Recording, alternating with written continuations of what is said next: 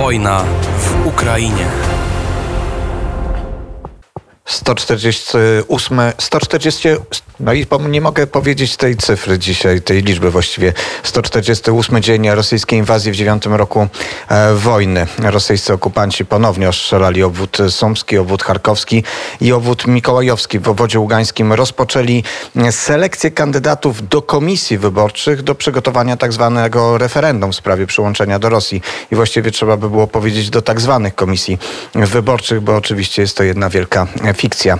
Wita się z Państwem Paweł Bobułowicz ze studia, ze studia Retro w Brwinowie z jakimiś problemami głosowymi. Dzisiaj proszę o wybaczenie. W Warszawie realizuje audycję Daniel Chybowski w Kijowie z raportem ze stanu wojny, którego dziś zabrakło w poranku jest Dmytro Antoniuk. Dzień dobry Dmytro. Dzień dobry Pawle, dzień dobry Państwu. Nie mogłem e, powiedzieć na samym początku 148 dzień rosyjskiej inwazji. E, ta liczba może dlatego, że jest w sumie e, przerażająca, gdy się uświadomi, ile tego czasu już upłynęło od 24 lutego i od tego ataku, którego też razem doświadczyliśmy Dmytro w Kijowie. Opowiedz o tym, co się wydarzyło w ciągu ostatniej doby. Niestety teraz e, mamy taką smutną e, tradycję już niestety, e, że wchodzę, jak wczoraj był, byłem u Ciebie gościem, to e, był, e, była informacja o ostrzale Charkowa, gdzie trzy, e, trzy osoby zginęli, w tym 13-letni chłopiec.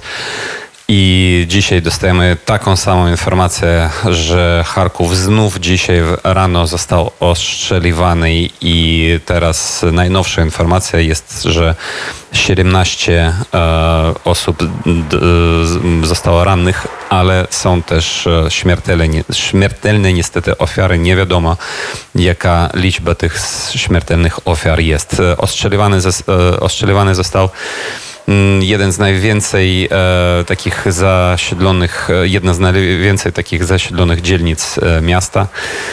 No i widocznie po prostu, że e, taka taktyka terrorystyczna e, Rosji e, trwa i oni zmuszają oczywiście w pierwszej kolejności krainy Zachodu, żeby oni nacierali na Ukrainę, żeby było to zawieszenie broni, które jest absolutnie potrzebne potrzebne teraz Putinowi dlatego, żeby e, znów zebrać nowe siły i z nowymi siłami uderzyć e, w Ukrainę. Wczoraj minister e, spraw zagranicznych Rosji Lawrow powiedział o tym, że e, teraz już e, w tej chwili na, w, w, porównaniu z tymi rokowaniami, które byli na przykład w Stambule w, w marcu, teraz już pozycja Rosji się zmieniła i powiększyła, powiększyła się jej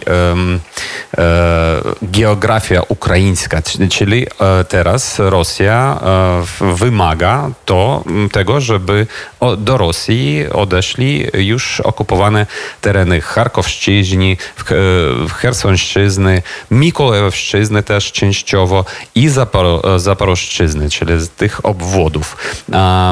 On e, tłumaczy to tym, że skoro Ukraina dostała Hajmarsy, a przypominę też Państwu, że wczoraj e, w, tym, na tym spotkaniu w Ramsteinie e, Amerykanie powiedzieli, że e, Ukraina już ma 12 Hajmarsów, a e, kolejne dostanie ponad 20.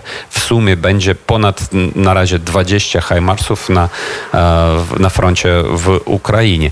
I on powiedział, Lawrow powiedział, minister Lawrow powiedział o tym, że skoro Ukraina ma te potężne Hajmarsy, to, to Rosja chce odsunąć, po prostu zrobi, zrobić takie buferowe strefy, te okupowane obwody, które, które wymieniłem, e, żeby po prostu nie do, e, nie, nie sięgali te rakiety z Hermesów do tych terenów rzekomo rosyjskich i rzekomo ich satelitów z DNR, LNR. No i kolejna informacja, którą dostaliśmy wczoraj z tych spotkań w Ramsteinie, na razie nie ma informacji o tym, że Amerykanie dadzą nam a, takie e, rakiety, które będą mieli zasięg na przykład 300 km, czyli naj, taki największy zasięg. Na razie Amerykanie dają nam tylko to, co dają, tyl, tylko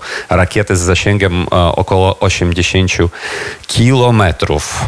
No i mm, sytuacja nadal na Donbasie jest bardzo poważna, e, ciężka. E, wróg e, za ostatnią dobę bez przerwy atakował w kierunku bachmuckim. Próbuje wróg iść na Bachmut i bez przerwy tak samo atakował z Łuchańska w kierunku Siwerska i w kierunku Słowiańska od Iziumu na północy. I tam nie ma żadnej przerwy w działaniach wojennych. E, wróg tam ma jeszcze potęgę i z tą potęgą atakuje Ukrainę. Chociaż e, e,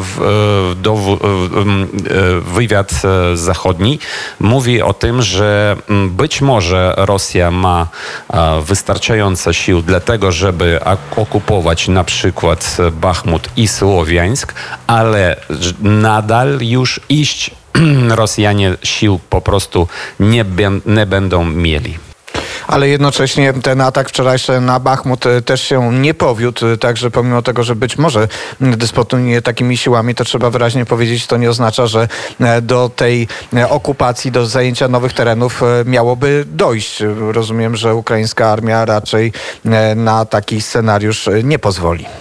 Jak najbardziej. I jeszcze wymienię e, bardzo ciekawą, e, ciekawą fakt tego, że e, wczoraj doszło do ponownego ostrzału mosta Antonowskiego, samochodowego mostu Antonowskiego w Chersoniu i już e, jest informacja o tym, że to, ten most e, albo całkowicie już nie jest działający, albo jest e, po, pozwolenie tam tym mostem przejeżdżać tylko dla samochodów osobowych.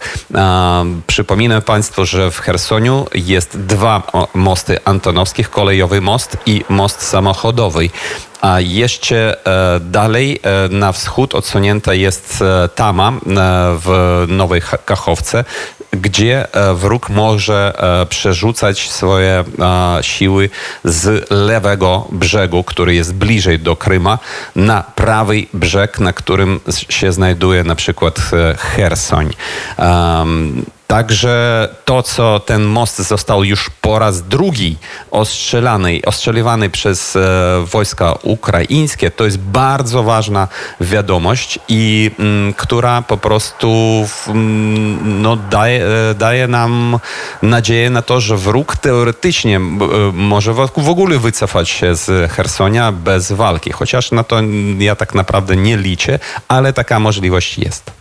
Warto dodać, że ten atak, e, do tego ataku prawdopodobnie były wykorzystane właśnie e, Hajmarsy i atak był bardzo precyzyjny, co przyznali sami okupanci, zamieszczając też zdjęcia e, w sieciach społecznościowych i mówiąc o tym, że Ukraińcy precyzyjnie uderzyli po szwach mostu, czyli dokładnie most został uderzony w tych miejscach tak, żeby konstrukcja jego została osłabiona. To też ważne, gdy się porówna te informacje z uderzeniami rosyjskimi, które są chaotyczne, i nawet gdy starają się uderzyć w jakiś obiekt, to te e, muszą do tego użyć bardzo dużo pocisków i zazwyczaj mm, przy okazji niszcząc wiele jeszcze innych budynków, w tym budynków mm, cywilnych. Ten atak e, ukraiński był atakiem precyzyjnym, wymierzonym dokładnie e, w infrastrukturę, tak by uniemożliwić okupantowi mm, prowadzenie dalszych działań bojowych.